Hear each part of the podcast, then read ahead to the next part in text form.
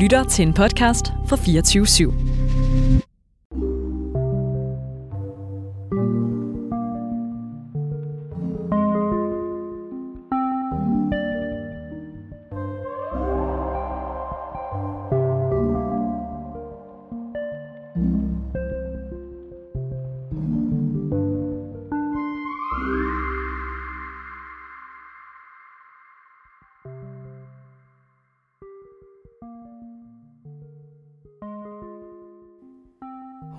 Kroniske smerter, men lægerne de kan ikke finde årsagen dertil.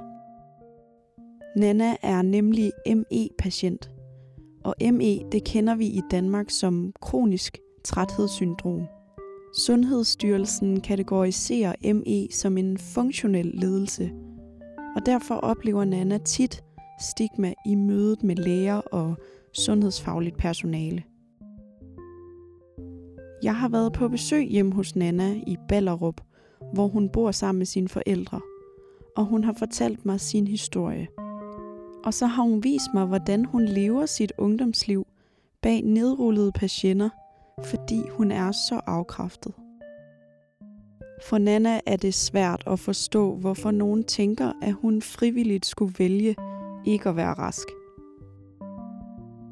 Du lytter til Stigma. Mit navn er Miriam Leander.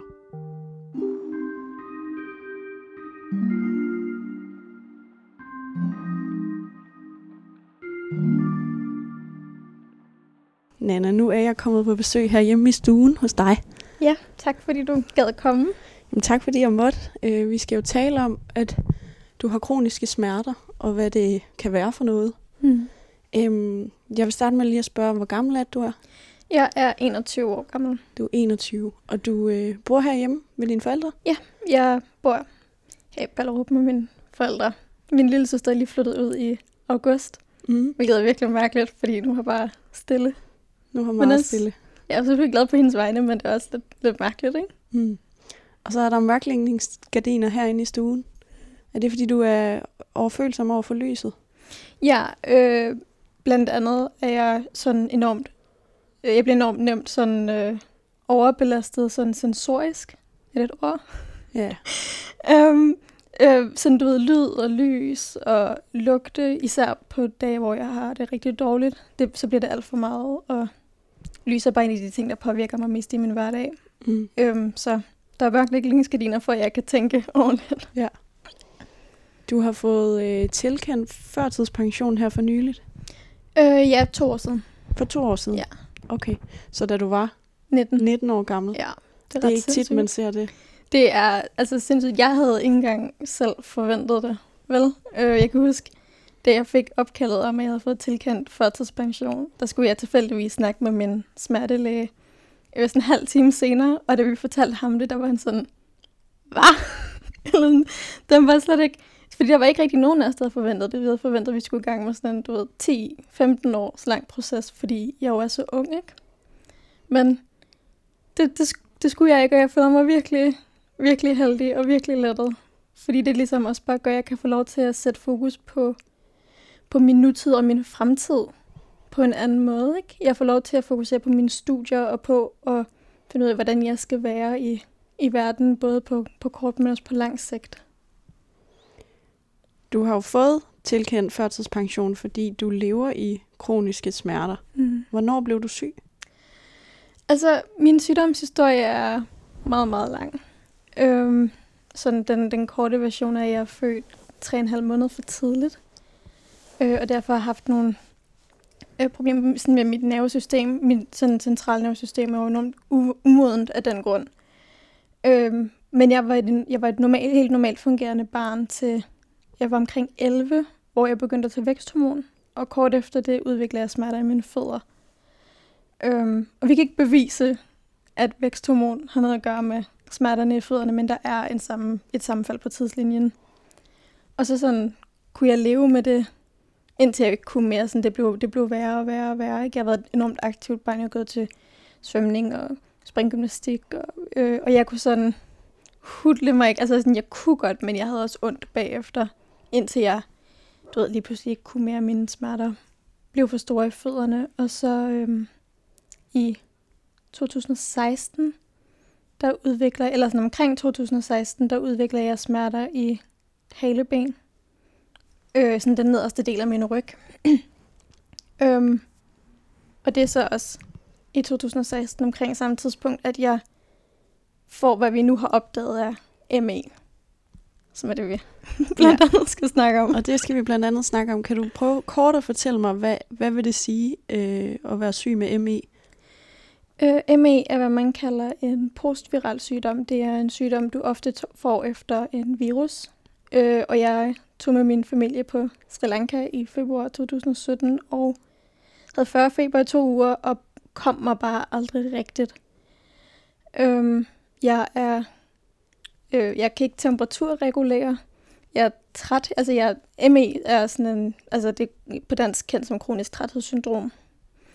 Øh, jeg, og så er der, du ved, jeg har, jeg har hele tiden inf, øh, influenza-symptomer. Øh, jeg er lysfølsom. Jeg er, øh, altså, der er alle de her ting, som sådan, ME også er, men ME er primært, at du har noget, man kalder PEM, som står for Post-Exertion Malaise.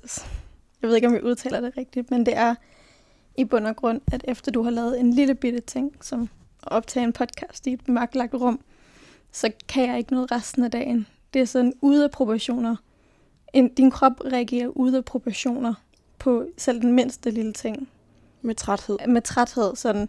Udmattelse? Ud, udmattelse, men det er udmattelse på en måde sådan, jeg ikke tror, man kan forstå det, hvis man ikke har det, fordi det er sådan, det er, det er ikke bare sådan en, ej, jeg kunne lægge mig til at sove. Det er sådan en, jeg kan ikke bevæge mine ben, og det er, altså, det er hårdt at trække vejret. Træthed. Det er sådan, det ligger i ens, altså i hvert fald hos mig, kan det sådan, du ved, ligge i min brystkasse. Det er sådan, det er udmattende at trække vejret, jeg kan ikke overskue bevæge mine ben. Altså sådan nogle reaktioner efter for eksempel at have været sammen med en veninde i, du ved, en time eller to. Ikke? I worst case. Um, Så hvad betyder det for din hverdag? Jamen det betyder, at jeg i en alder af 21 bare har et meget meget lille liv, ikke? Sådan folk, om, eller mine veninder, som er på min alder, de, deres liv åbner op nu. De er ude at interraile og øh, på studier og øh, ude og arbejde fede steder og ligger i min, i min seng i stuen og strikker svætter og hører lydbøger, ikke? Øhm. så, så, så det gør jo bare sådan min hverdag, så jeg bare anderledes ud. Min hverdag er måske bare 2% af, hvad der er. Ikke? Øhm og jeg, jeg ser også stadig veninder en, en sjældent gang imellem, men du ved, de her travle, jeg har ikke noget overskud, vel? Så meget foregår over sociale medier. Gør det dig ked af det, at, at se de andres liv? Mm, nogle gange. Ikke altså sådan, ikke, ikke som udgangspunkt. Som udgangspunkt er jeg bare glad for, at at andre kommer ud og lever deres liv. Jeg er glad for, at, at andre får det liv, jeg ikke har. Fordi bare fordi mit liv står på pause lige nu, betyder det ikke, at andre skal. Øhm, så, så det er selvfølgelig nogle gange hårdt at se øh, folk tage ud og opleve alle de ting, du gerne vil opleve, og alle de ting, der er enormt normale, når du, når du, når du starter 20'erne, som jeg ikke kan. Men, men det er også okay. Fordi det er også bare sådan, det er. Ikke? Og du kan ikke huske, hvordan det var før? Nej. Altså sådan, jeg var virkelig ung, da det, jeg, jeg blev syg. Ikke? Sådan, jeg kan ikke engang huske, hvordan det ikke har ondt længere. um, så sådan, jeg tror også, at det, jeg aldrig nåede at få et ungdomsliv, gør også lidt, at jeg nemmere kan være i det, fordi jeg ikke rigtig 100% ved, hvad jeg, hvad jeg ikke har. Ikke, når, hvor, hvis, du, hvis du bliver syg i dine midt 30'er, så har du sådan ligesom været ude at flyve virkelig højt, og så er der bare virkelig langt at falde igen, ikke? og jeg kommer aldrig helt fra jorden.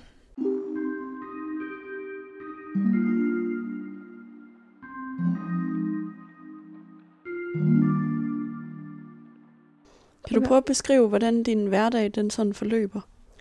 Ja, øhm, altså jeg går jo hjemme hele tiden indtil Øh, jeg, har, jeg har de sidste par år taget en HF enkeltfag online. Et enkelt fag ad gangen. Øh, men lige det her semester, der holder jeg pause. Fordi jeg lige havde brug. Jeg er lige blevet færdig med matematik B. Og jeg har bare virkelig ikke et matematikhoved. um, så jeg, havde, jeg har brug for en pause og tid, brug for tid til at, til at komme mig.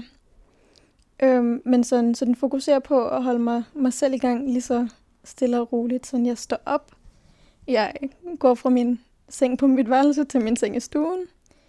Jeg hører virkelig mange lydbøger. Jeg hører virkelig mange podcasts. Jeg ser nogle serier og noget YouTube og øh, strikker virkelig meget. Um, og så går jeg i seng, og så gør jeg det hele igen, ikke? Ja, jeg kan se, at du har en seng herinde i, mm. i jeres stue. Ja. Og et lille sådan bord, øh, sengebord. Ja. Så du kan have computer og så videre. Ja, fordi når man har så lidt overskud, som jeg har, så er det godt ligesom at, at lave en lille rede, hvor du har alle de ting, du skal bruge inden for rækkevidde, ikke? Øh, så hvis du, hvis du har mindre, hvis du har dag, dårligere dage, så kan du lige sådan, så ved du lige, hvor øh, forskellige ting, du skal bruge. Her er din oplader, og her er dit strikketøj, og her er whatever, du nu skal bruge. Så det er sådan... Min... Hvad har du af hjælpemidler omkring dig?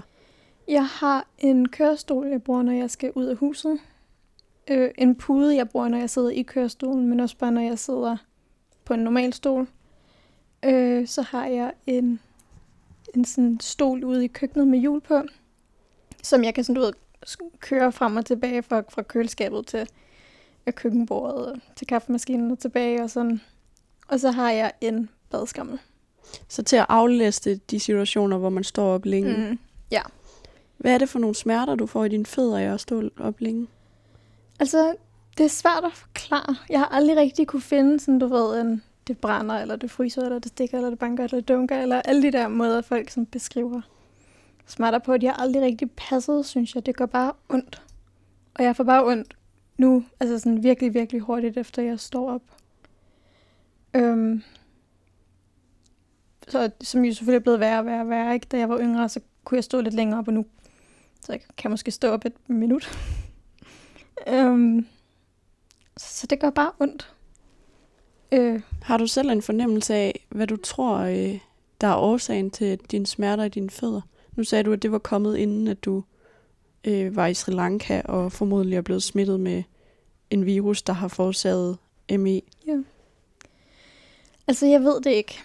Og jeg tror også, jeg er et sted i mit sygdomsforløb lige nu, hvor jeg synes, det er lidt lige meget, hvad, det, hvad, der, hvad der har givet det. Jeg er mere, du ved, mere, at jeg har det. Ikke? Og at du ved, der er ikke noget smertestillende, der virker. Og der er ikke noget sådan medicin, jeg har prøvet indtil nu, der, der virker hverken på, på smerterne i ryggen eller på smerterne i fødderne. Øhm, så for mig så sådan, fylder det meget lidt, hvorfor. Det fylder mig mere, hvad der kunne, hvad der kunne gøres.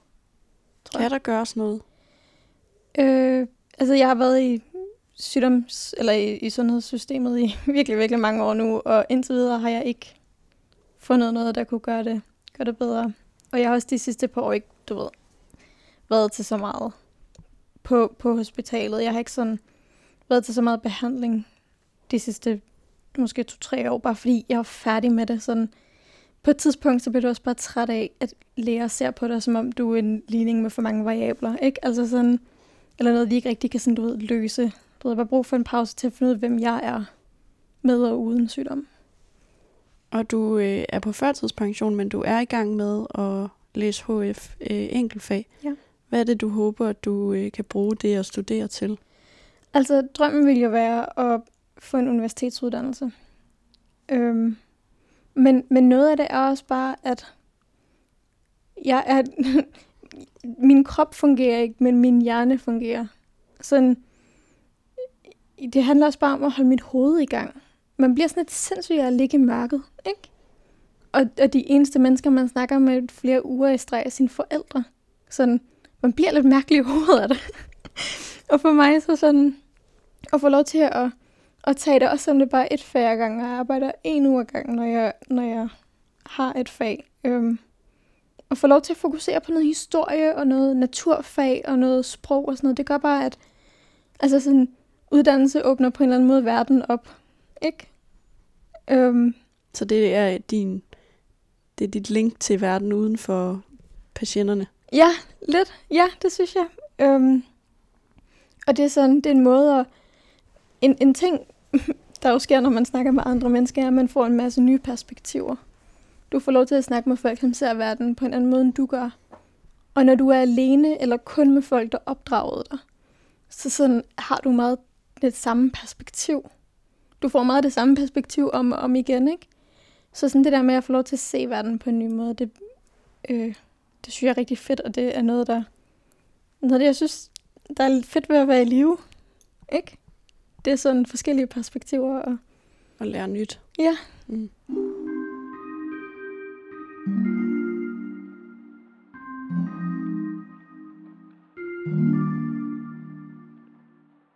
Vi behøver måske ikke at hænge så meget i, hvilke nogle smerter, der kommer fra det ene, og hvilke nogle smerter, der kommer fra det andet. Mm. Øh, men det, at du har sygdommen ME, er det noget, der er blevet diagnostiseret? Ja, jeg har været inde på en privat klinik på Frederiksberg, som hedder Klinik Melsen, og som fokuserer på ME. Og det er der, jeg har fået stillet diagnosen. Um, her i Danmark? Her i Danmark, ja. Øh, jeg tror, det er en af de sådan få, hvis ikke den eneste, det ved jeg ikke, øh, klinik, der sådan fokuserer på ME kun. Mm. Øhm, så jeg var inde der i, jeg tror, det, det har været sådan noget slut februar 2020. Hvilket er lidt mærkeligt, når man kigger tilbage nu, så hvor meget der er sket, ikke? Både, både personligt, men også globalt. Er det en sygdom, der er sådan officielt anerkendt i Danmark? Nej, det er det ikke. Og det er også derfor, det er sådan så svært at få diagnosen øh, fordi det ikke er en sygdom, der sådan er anerkendt af Sundhedsstyrelsen. Øhm, og det er også der, der gør den så kontroversiel. Det er lidt sådan en sygdom, man skal lidt overveje, om man fortæller sundhedsfagligt, om man, om man har den her diagnose, fordi det kan også godt, der, der er nogen, som sådan synes, at Nå, men den, den skal bare behandles med øh, kognitiv terapi og gradueret træning, hvilket altså bevist, at det, det gør bare ME'en værre. Så det er også lidt sådan en det er en kontroversiel sygdom på den måde, og den bliver ikke anerkendt af, af Sundhedsstyrelsen, hvilket betyder, at vi ikke får den hjælp, vi både har behov for, men også fortjener. Oplever du, når du taler med, ikke med alle læger, men med noget sundhedsfagligt personale, at der er fordomme om ME? Ja, det gør jeg. Altså, så nu er det jo et stykke tid siden, jeg har været sådan øh, virkelig inde i, inde i sundheds, inde i sådan hospitalsystemet. Øhm, men det gør man. Jeg kan huske, at da vi først begyndte at snakke om, om jeg overhovedet skulle få stillet diagnosen ME, at den læge, jeg havde på det tidspunkt, sagde, at sådan, jeg kunne risikere at få problemer med at finde job, hvis jeg fik stillet diagnosen ME, fordi det er en, det er en diagnose, som sådan er så kontroversiel, at der er nogen, som sådan oplever, at det påvirker deres arbejdsliv. I forhold til fordomme omkring at ansætte ja. en, der øh, har den diagnose på sine papirer. Ja, det er i hvert fald min forståelse af det. Øh, nu sidder jeg jo ikke i en situation, hvor jeg skal have et job. Eller kommer til at få et job, desværre. Øhm, men, men det er jo en, det er en reel tanke, man sådan skal, eller det er en reel ting, man skal overveje, om man overhovedet er villig til ikke? at få den diagnose, fordi den kan, den, den kan påvirke den måde, andre især sådan professionelt ser dig. Men når du har fået den diagnose øh, på den klinik, mm. står det så i dine sundhedsjournaler? Ja, okay. det mener jeg. Ja. Øhm, når du fortæller dine veninder og din omgangskreds om ME, hvordan reagerer folk så?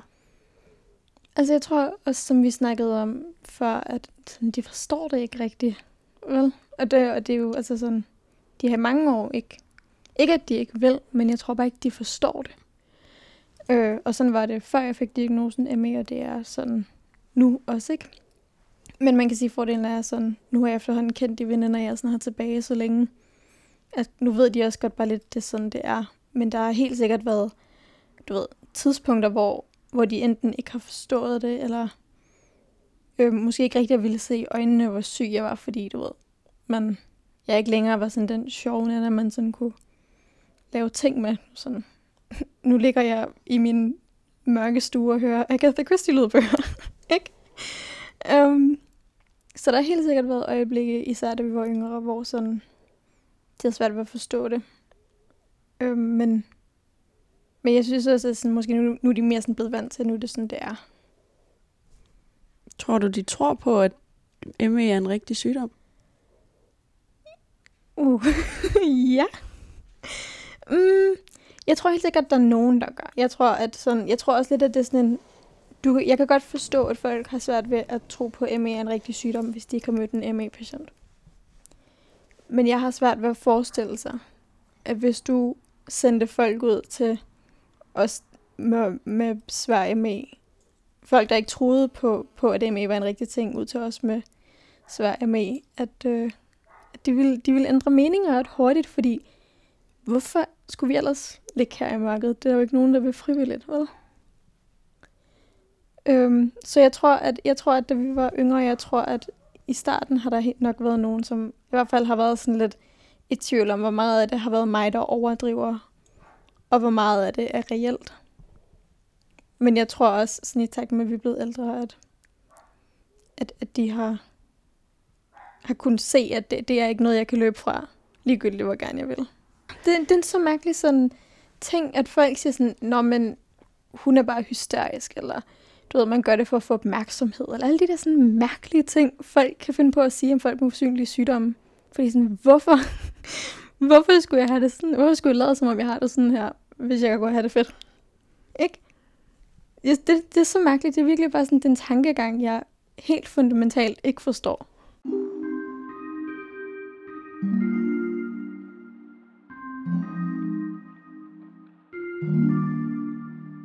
Har du et eksempel på en situation øh, med en læge, der ikke har troet på dig? Altså, jeg har øh, haft læger, som har sagt, at jeg bare skulle sådan gå mine smerter væk. Jeg var øh, indlagt på en afdeling på et tidspunkt, hvor sådan, øh, til, sådan, til observation, hed det. øh, for ligesom at se, hvordan... Det, jeg, jeg ved faktisk ikke rigtigt, hvorfor jeg blev... Det er en lang historie, hvorfor jeg blev indlagt der, og det var et, en virkelig dårlig oplevelse hele vejen rundt. Men øhm, de udskrev mig ved den kommentar, at sådan, jeg havde de her smerter, som jeg, øh, fordi jeg er en overachieving 12-talspige, og fordi min far fik kraft i 2012. Sådan, jeg var indlagt i to uger. Jeg, fik, jeg snakkede ikke med en læge. Jeg fik lavet en trivselsundersøgelse, og ellers så sad jeg i et klasseværelse sammen med en masse mennesker, der var yngre end mig. og så blev jeg udskrevet med sådan en, du skal i familieterapi. Fordi det her, det, det skal bare gås væk. Det skal bare Ja, der er en øh, forståelse af, af dig, som at det er noget psykisk. Altså, øh, man bliver helt sikkert mødt med ideen om, at det er psykisk. Men det er ikke psykisk, det er en, det er en somatisk lidelse. Ikke? Sådan, jeg tror også bare, det er en af de der ting, sådan, vi ved ikke nok om, om ME endnu. Så det er også meget tidligt at sige, sådan, hvad ME er definitivt, men altså, problemet er jo, at når du siger, at det bare er noget, der er i dit hoved, så sådan, gør du det til et dig-problem, og du formindsker problemet helt vildt, ikke? Øh, og du formindsker mennesket, som, som sidder med problemet. Så, så det er det er en af de ting, vi sådan vi med ME kæmper imod, at, at blive, blive klassificeret som en psykisk sygdom, for det er det ikke. Jeg tror, at vi har en idé om, at vi i to, øh, 2022 ved alt, hvad der er at vide om medicin.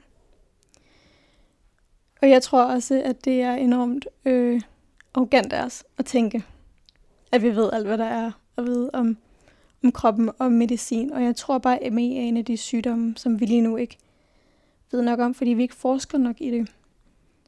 Og jeg tror, at i det, når vi begynder at forske i det, så vil vi opdage, at så vi finde ud af, hvad der, hvad der rent faktisk er op, op og ned med det, ikke? Men der er jo ikke nogen, der finder ud af noget, indtil man man kan ikke finde ud af noget, indtil man undersøger noget.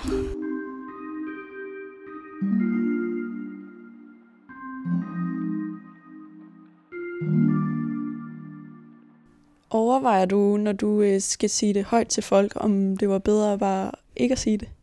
Ja. I forhold til de fordomme, øh, du kan møde? Ja, helt sikkert. Øhm, især fordi sådan, en af de sådan rigtig udmattende ting, man kan møde, når man snakker specielt med teenager med ME, det er, at man siger, du ved, på dansk er det kendt som kronisk træthedssyndrom, og så siger de, når jeg er også træt hele tiden, så det er jo bare, ikke? Det er sådan en, når man, når man jeg er også træt, jeg er heller ikke noget overskud. um, og det er bare sådan en samtale, jeg ikke gider at have. Jeg har ikke overskud nok til at sådan forklare, hvorfor det er virkelig, virkelig noget at sige. Så det er helt sikkert en, en ting, jeg er sådan ret selektiv om. Hvem, hvem jeg fortæller det, og hvornår jeg fortæller det. Det er ikke sådan den første ting, jeg fortæller om folk. Jeg kan ikke komme udenfor, at jeg, eller udenom, at jeg har ondt i mine fødder og min, min ryg, og fordi det, det påvirker bare min måde at være på, ikke? Sådan den måde, jeg sidder på, og den, de ting, jeg vælger at gøre og sådan noget. Det kan jo ikke komme udenom, men sådan, du behøver ikke som det første ved, jeg har ME. Øh, så det er helt sikkert en ting, jeg, vil, jeg vælger ikke at fortælle folk. Så det er også en ting, jeg har glemt at fortælle folk, jeg har.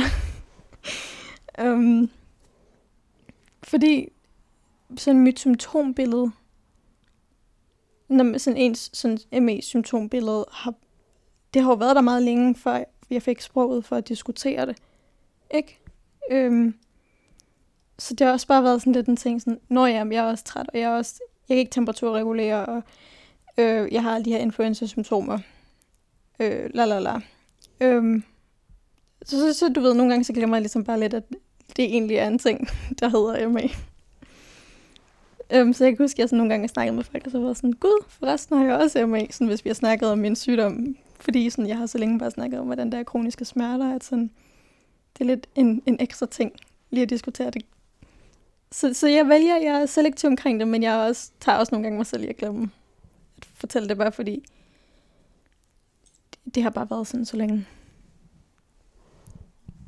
Hvordan påvirker det så den anden vej? Altså, hvordan påvirker dine kroniske smerter din psyke? Mm, det er et godt spørgsmål. Øh, altså sådan... Folk er altid sådan, fuck? Åh, oh, må jeg bande? Okay. Folk er altid meget overrasket, når jeg... Du må gerne bande. Okay, godt nok. Men altså, ja. Folk bliver meget overrasket over, når jeg fortæller dem, at jeg sådan... Jeg har aldrig rigtig været sådan deprimeret.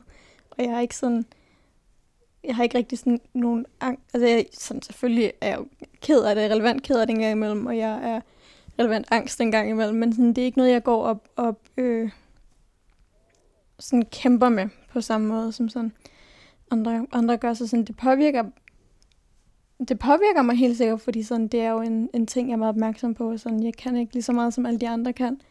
Men, men det er ikke noget, jeg sådan... Jeg tror ikke, jeg, jeg, jeg kan på en eller anden måde skubbe det lidt væk, og sørge for, at det ikke det fylder hele tiden, tror jeg. Så når man ser så få mennesker, som jeg gør, så kan... Altså sådan, det, på et eller andet tidspunkt bliver det bare hverdag, ikke? Det er ikke sådan, jeg ligger ikke i dag på femte året, hvor jeg er herhjemme, og sådan er overrasket over min situation. Nu er det bare min hverdag. Men kan du ramme en mur nogle gange, hvor begrænsningerne gør dig ked af det? Helt sikkert. Helt sikkert. Jeg kan, jeg kan ramme en mur, hvor nogle gange så er det, fordi jeg rammer en mur, og nogle gange så er det bare, fordi jeg sådan står udenfor og kigger ind, ikke? Og det er sådan, du ved, scroller igennem min Instagram-story, og der er bare sådan den ene fed fest efter den anden, eller jeg kan se, at mine veninder hænger ud sammen uden mig, eller jeg kan se, du ved, jeg ser nogen tage ud og rejse et eller andet fedt sted hen, eller du ved, alle de her ting, som du ved, jeg sådan bliver, man bliver mødt med hver dag. Og så bliver jeg ked af det. Meget relevant, synes jeg selv. Men det er ikke noget, jeg sådan lader, lader fylde min hverdag. Det, jeg går ikke og tænker over, hvor lidt jeg kan. Har du taget en beslutning om at leve et positivt liv? Med de spillekort, du har på hånden, så at sige. Jamen, jeg tror, jeg tror bare sådan... Jeg, jeg tror ikke, det har været sådan, en, at jeg en dag har sat mig selv ned og været sådan... Nana, nu, nu tager du kun stilling til det, du kan. Jeg tror bare meget, det er sådan, jeg er, jeg er bygget. At jeg tror ikke, jeg, jeg er ikke typen, som sådan går og drømmer efter ting, jeg ved, jeg ikke kan få, når det kun vil skade mig. Ikke? Det vil jo kun skade mig at fokusere på alle de ting, jeg ikke kan. Øhm, så jeg tror mere, at, at, at, at det er lidt af sådan, jeg er. At jeg bare sådan, så vil jeg hellere fokusere på alle de ting, jeg kan, fordi jeg kan en masse ting. Jeg, jeg lærer, jeg er enormt lærende. Jeg øh, interesserer mig for mange ting. Jeg er sådan er typen, der godt kan lide at falde ned i sådan tilfældige internethuller, og sådan, du ved, læse alt, hvad der er at vide om den her ene person, eller sådan. Jeg vil hellere fokusere på alle de ting, jeg kan, i stedet for de ting, jeg ikke kan, fordi så kan jeg trods alt få noget... Så i den forstand kan jeg i hvert fald give mig selv noget værd, ikke? Altså sådan et, et værdigt liv. Øhm, I stedet for sådan at fokusere på alle de ting, der gør mit liv måske lidt mere udfordrende. Tænker du nogle gange, når du møder de her fordomme om, at det måske er noget psykisk, eller noget, du gør for opmærksomhed, som du selv bruger mm. den formulering. Tænker du så nogle gange, hvorfor skulle jeg vælge det her, når jeg kunne vælge at være rask? Hver gang. Hver gang. Det er sådan... Nu er det jo længe siden, jeg sådan har mødt fremmede mennesker. øhm, men, men hver gang jeg bliver sådan konfronteret, enten er det for mig selv, altså nogen, der konfronterer mig med det, eller jeg hører om andre sådan blive konfronteret med det, så er det jo det er altid min tanke, hvorfor skulle jeg gøre det her, når jeg kunne, jeg kunne, når jeg kunne tage med og tage min veninde ud og interraile, eller når jeg kunne fejre hendes fødselsdag, eller når jeg kunne tage mig ned på stranden med hende, og, eller mine forældre, eller whatever, og, og bade. Sådan, jeg kan ikke de ting. Jeg kan ikke engang gå, jeg kan ikke gå på stranden. Jeg kan sådan tage en sjældent gang med min mor ned og drikke kaffe på en café, og så kan jeg ikke noget resten af dagen. Sådan, jeg kan ikke tage ud og shoppe. Jeg kan ikke øh, hænge ud med, med en stor gruppe mennesker længe ad gangen. Sådan, bare det at snakke gør mig virkelig træt. Ikke? Hvad betyder det for din familie? Jeg tror, at folk tit glemmer, hvor meget sygdom også påvirker pårørende. Og jeg tror også, at det er også noget, jeg selv som syg glemmer, hvor meget, hvor meget sygdom påvirker den pårørende. Fordi det er jo ikke kun mit liv, der bliver sat på pause. Det er også mine forældre, så vi ikke tager på ferie længere. Og øh, sådan, mine forældre vil bare gerne, min familie vil bare gerne have, at jeg har det godt. Øhm, og det betyder også, at vi må stable et liv op, som jeg kan være med i. Og det er jo bare et meget lille liv efterhånden. Så sådan, det betyder alting for, for, min, for den måde, vi sådan agerer på som familie, ikke? Øhm, Gør det dig ked af det, at det går ud over dine forældre?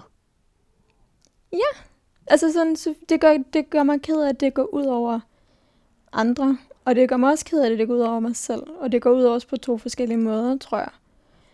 Øhm, men det er... Jeg tror også, at det, det er jo også sådan et, et, et tegn på...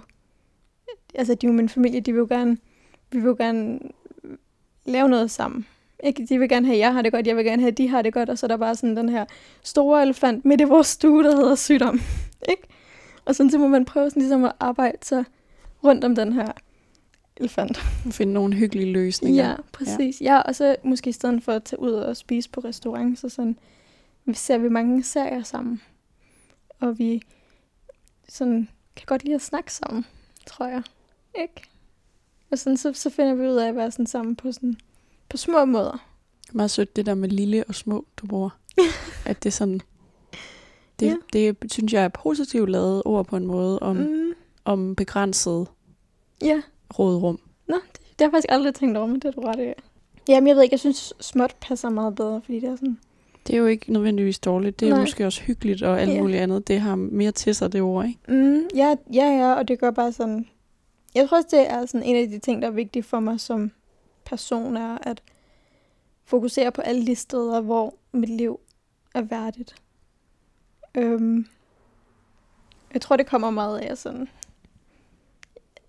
at, at folk tit sådan, når man siger sådan, når man, når, eller for eksempel, så, du ved, har jeg, jeg for nogle uger siden, eller nogle måneder siden, så var der en familieven, som var sådan, ej, hvordan har du det? Eller sådan, hun, hun var bare sådan, hun havde bare sådan den der måde sådan at sukke på, mens hun spurgte, hvordan jeg havde det, som hun sådan ikke kunne forstå, hvordan jeg, hvordan jeg overhovedet kunne, kunne være til i den tilværelse, jeg har. Og ja, hun gjorde det med kærlighed, det ved jeg godt, men sådan...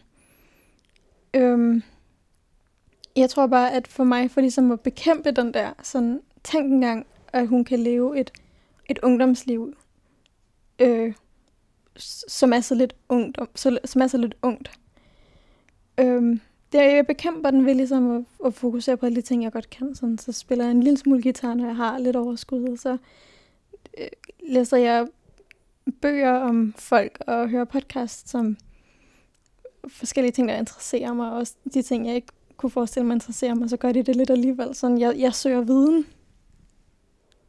Og det synes jeg, det, det giver mig enormt meget, både sådan personligt, men også sådan intellektuelt. Og jeg tror, det er... Sådan det, indhold. Ja, indhold. Det er de sådan I lommer, jeg finder. Og sådan, ja. så hopper jeg lidt fra den ene lomme til den anden. Og så, så er jeg der, i stedet for at være ude i den hvide verden. Nu siger du, at ME øh, det kan ikke behandles, Mm. fordi der indtil videre ikke er noget viden. Mm. Hvad er dine fremtidsudsigter? Altså, hvad er udsigterne for, at du kan, du ved, de fleste i midten af 20'erne flytter hjemmefra og møder kærester og bliver færdige med deres uddannelser og kommer i arbejde. Hvad er dine udsigter for at få sådan et almindeligt voksenliv? Jeg ved ikke, om almindeligt er det rigtige ord, men du ved, hvad jeg mener. Sådan mainstream på en eller anden måde, ikke? Mm. Øhm, altså, de er ret små, som det ser ud lige nu. Øh, fordi der jo ikke er nogen, nogen måde sådan behandle det på. Og du ved, jeg får det bare værre, ikke? Øhm, men, men jeg,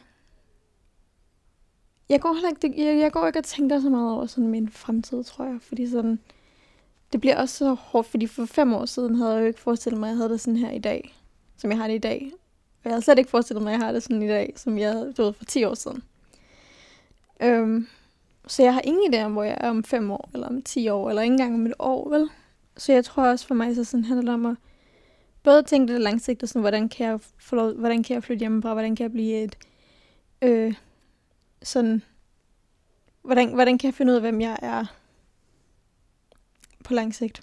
Men, men også, øh, okay, jeg ved ikke rigtig, hvor vi med den sæt. Sådan, jeg tror, jeg, jeg går meget og tænker over, at sådan, man kan ikke finde ud af, hvem man er på sit børneværelse.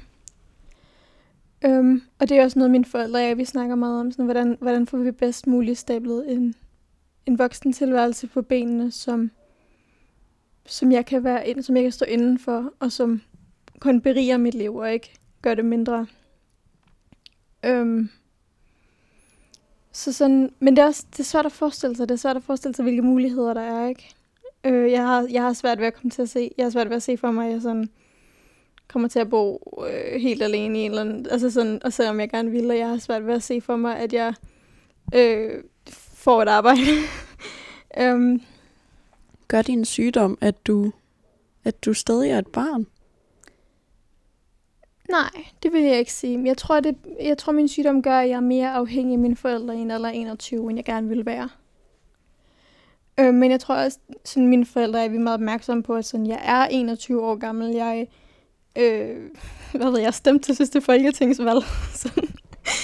øhm, at, at jeg, er, jeg er et voksen menneske, men jeg er også bare et menneske, der desværre er mere afhængig af mine forældre, og vi, vi går vores, altså sådan, vi som, som, som gruppe gør ligesom vores bedste for, at, at, at jeg kan være det, ikke? Øhm, og så er det jo selvfølgelig, du ved, udfordrende sådan. Jeg jo ikke selv kan vaske mit eget tøj, eller lave min egen mad, eller sådan noget, men, men jeg tror også bare sådan, det handler mere om, om det mindset, man går, går, til, går til det med, ikke? Og vi går til det med sådan, jeg, jeg er et voksen menneske, der har brug for hjælp, ikke... Jeg er selvfølgelig også deres barn, men jeg er ikke et barn.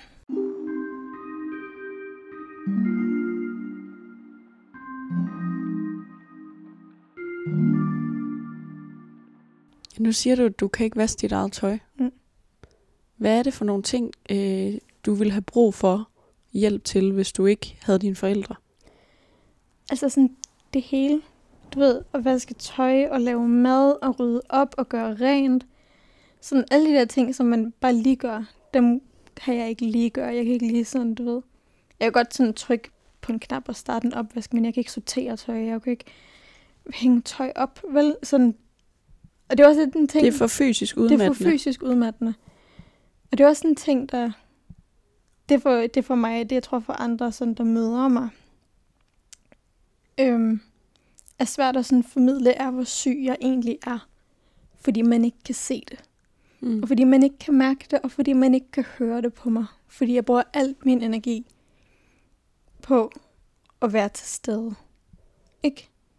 Så sådan, når vi sidder her og snakker lige nu, så synes jeg ikke, eller det ved jeg jo selvfølgelig ikke, men jeg synes ikke, at det er noget, der sådan træder frem, hvor syg jeg egentlig er, hvor lidt jeg fysisk kan. Ikke andet end, at du faktisk har brug for at ligge i sofaen, imens vi taler. Nej, og, Og, og der er mørklægningsgardiner.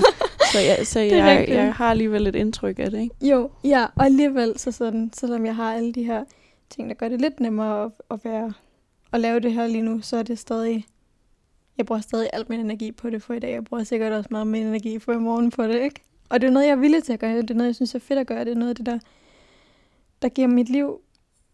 Der, noget, af det, der, noget af det, der giver mit liv mening, er at få lov til at snakke om og sætte fokus på, hvordan det er at leve et anderledes liv som, som ung. Fordi jeg tror, det er også bare noget, jeg ville have haft rigtig meget brug for at høre, da jeg var 14. Og kunne sådan lige så, lige så, lige så stille for, sådan fornemme, hvis jeg virkelig mærkede efter, at sådan, det her kommer ikke til at gå over lige om lidt. Øhm, og der var bare ikke rigtig nogen, der sådan snakkede om, at du kan godt være syg, men du kan også godt have et liv, der, der, der er værd at leve. Øhm, fordi tit sådan i, i medier og i bøger og sådan noget, så sådan, er det enten, du ved, din sygdom skal være meget liv og død, før vi sådan øh, sætter fokus på den. Øhm, og det betyder, eller sådan, du ved, og hvis du ser en karakter i en kørestol i en, i en sag, så sådan, hader de at sidde i den der kørestol. Sådan, de snakker ikke om, at den kørestol faktisk giver dem mulighed for at komme ud af huset, mulighed for at opleve ting. Øh, og jeg tror bare, at hvis jeg havde haft nogen, der var sådan, ja, det er ret noget at sidde i kørestol, men det giver også mulighed for alt muligt. Så det kan godt være, at du ikke, det, det er svært at være i, i, i indkøbscenter, fordi sådan rækkerne i en Matas eller whatever er ikke nødvendigvis bygget til at være kørestolvenlige, men, men du kan det mindste komme i Matas. Det er et random eksempel, men og det vil jeg ikke kunne uden. Det ville du ikke kunne uden. Det tror jeg, hvis, jeg havde, hvis nogen havde sagt det til mig som 14-årig, så havde jeg ikke brugt så meget tid på at græde over det.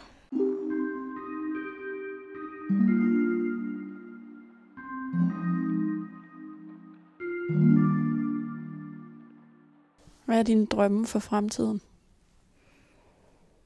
Mm. Jeg tror ikke, jeg går og drømmer så meget for fremtiden. Hvilket lyder deprimerende. Øh, men det synes jeg egentlig ikke, det er. Øh, det er en måde at passe på dig selv. Det er en måde at passe på mig selv, og det er en måde at sådan... Jeg, jeg tror, det er en måde at være på det i. Være i det på. Øh, jeg, jeg tror, det, jeg tror, det er, det er sådan, jeg, det er sådan, jeg at, at, er, er til stede i min hverdag. Jeg vil ikke at fokusere på, på fremtiden, fordi sådan, den ser hverken særlig lys ud, eller særlig mørk ud. den eksisterer bare, og jeg ved ikke rigtig, hvor, hvor, hvor jeg kan være, hvor jeg, hvor jeg kommer til at være. Så jeg tror ikke, jeg, jeg går ikke og fokuserer så meget på den. Den føles ikke så relevant, som min nutid gør lige nu. Nu siger du de sidste fem år, når du taler om, hvornår du, ja. altså den periode, hvor du har været mm. meget syg. Har du været til en fest? Sådan en ungdomsfest? Øh, jeg gik på efterskole i fire måneder måske. Og der nåede jeg at være med til en, en fest, og der var jeg allerede begyndt at blive rigtig syg. Øhm, så jeg brugte det meste af tiden. Vi... Jeg ved ikke, hvordan vi endte der, vel? Men vi var sådan et sted, hvor ovenpå... Vi, vi var i sådan en, et eller andet sted på Fyn. Øhm, med en masse sådan nogle træ, som bænke bordsæt. Og ovenpå, der sad der nogle rockere og drak meget mærkeligt. Det var virkelig et mærkeligt sted at være. Og så sådan inde ved siden af, hvor de der sad og drak, der var der en, et, et lille rum med lædersofaer, hvor folk, der havde sådan, du ved, drukket alt for meget, så de var sådan blackoutet, sad, og det var det eneste sted, jeg kunne være, fordi jeg bare havde ondt. Så jeg har sådan ikke rigtig været til en fest. Jeg har siddet i et lille på rum. en fest i en jeg sofa. over på en fest i en sofa sammen med dem, der ligesom kastede op. Um, så jeg har ikke rigtig været til en fest, nej. Det vil jeg ikke sige. Det er jo en af de her teenage-ting, jeg sådan ja. tænker øh, umiddelbart, øh, at de fleste på vores alder har prøvet. Ikke? Hvad med sådan noget med kærlighed? Bekymrer det dig? Nej. Øhm, mm, ja og nej, tror jeg. Øh, jeg tror, at det... Jeg tror, at jeg synes, det er en enormt sådan, relevant og vigtig ting ved at være i live, og sådan, de mennesker, vi elsker. Øhm, men jeg ved også fra mig selv godt nok til, at jeg er ikke et sted lige nu, hvor jeg sådan ville være i stand til at have en kæreste. Jeg er ikke et sted lige nu, hvor jeg har lyst til at have en kæreste. Jeg tror aldrig rigtigt, jeg er nået derhen, fordi sådan, da alle mine venner og veninder begyndte at gå til fest, så gik jeg på hospitalet, ikke? Øh, så jeg har bare sådan, jeg tror, jeg har for travlt til ligesom at, jeg har, for, jeg har haft travlt med at overleve det. Og jeg har ikke haft så meget tid til ligesom at leve et ungdomsliv. Jeg skulle mere overleve det, tror jeg. Hvis du, hvis du er et menneske med et, mit liv, der ikke ligner sådan det gennemsnitlige, øh, hvad end det nu skal betyde, sådan den normale ungdom. Så sådan handler det meget om at overleve og komme ud på den anden side af teenageårene, tror jeg. Fordi det er jo alligevel dem, der er de hårdeste, ikke? Sådan, du vil bare gerne være ligesom alle de andre, men det er svært at være ligesom alle de andre, når du ikke er ligesom alle de andre. Ligegyldigt, hvor gerne du vil være det. Også i forhold til, til fremtiden. Jeg ved, du har været medstiller af et borgerforslag. Ja. Hvad går det ud på? Jamen, det er et borgerforslag, der øh, sætter fokus på at kortlægge ME-patienter over i, i Danmark, sådan finde ud af, hvor mange, hvor mange ME-patienter der rent faktisk er, og så lede efter det, man kalder en biomarkør. En biomarkør er det, altså, du ved, at finde et sted i kroppen, som er sygt. Det, altså det sted i kroppen, der er noget galt med sådan. Øhm, og det er jo det problemet med ME, er, at vi ikke har nogen, vi ikke finder nogen biomarkør lige nu.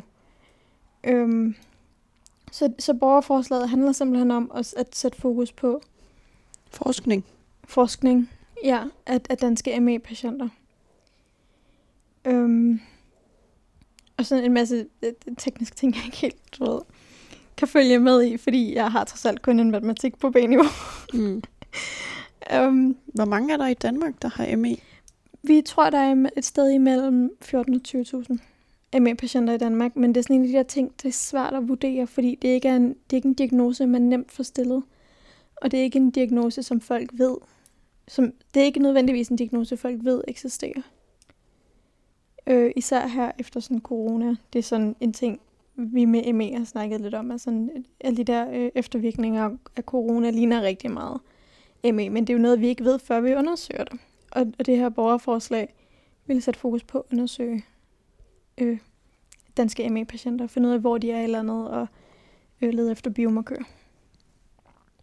Hvad er dine sundhedsfaglige forhåbninger for fremtiden? Altså, hvad håber du, der sker i forhold til ME og vores sundhedssystem?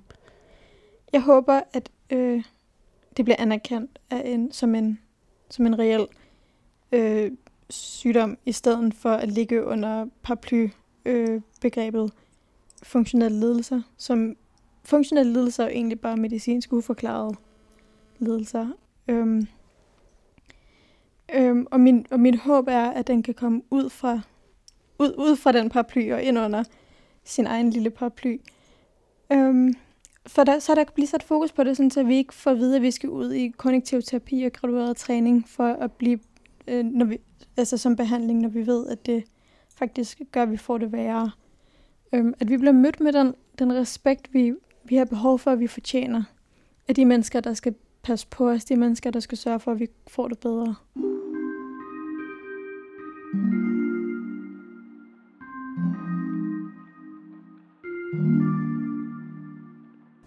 Nana, tusind tak, fordi jeg måtte komme på besøg hjemme hos dig her Mange i tak. stuen. Tak, Mange fordi tak, du havde lyst til at være med. Jeg synes, det var hyggeligt at få lov til at snakke med dig om det.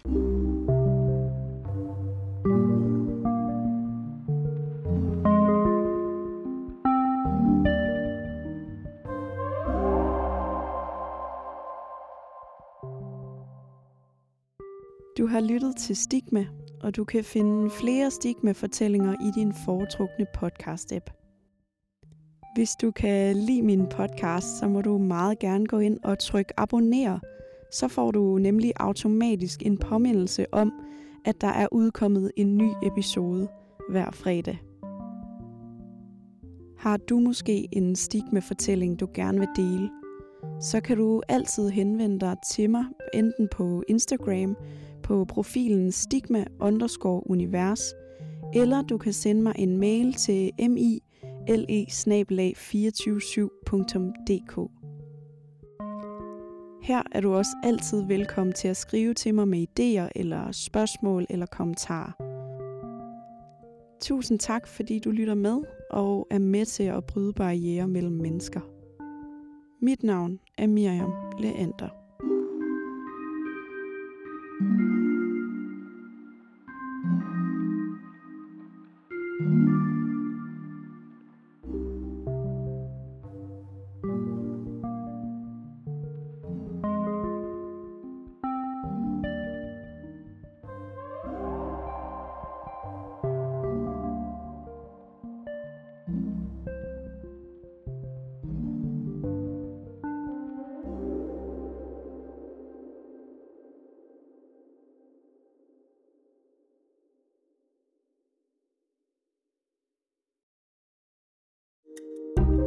Kære lytter, du har lyttet til et program fra 24 /7. Du kan finde meget mere modig, nysgerrig og magtkritisk taleradio på 24 7 appen Hent den i App Store og Google Play.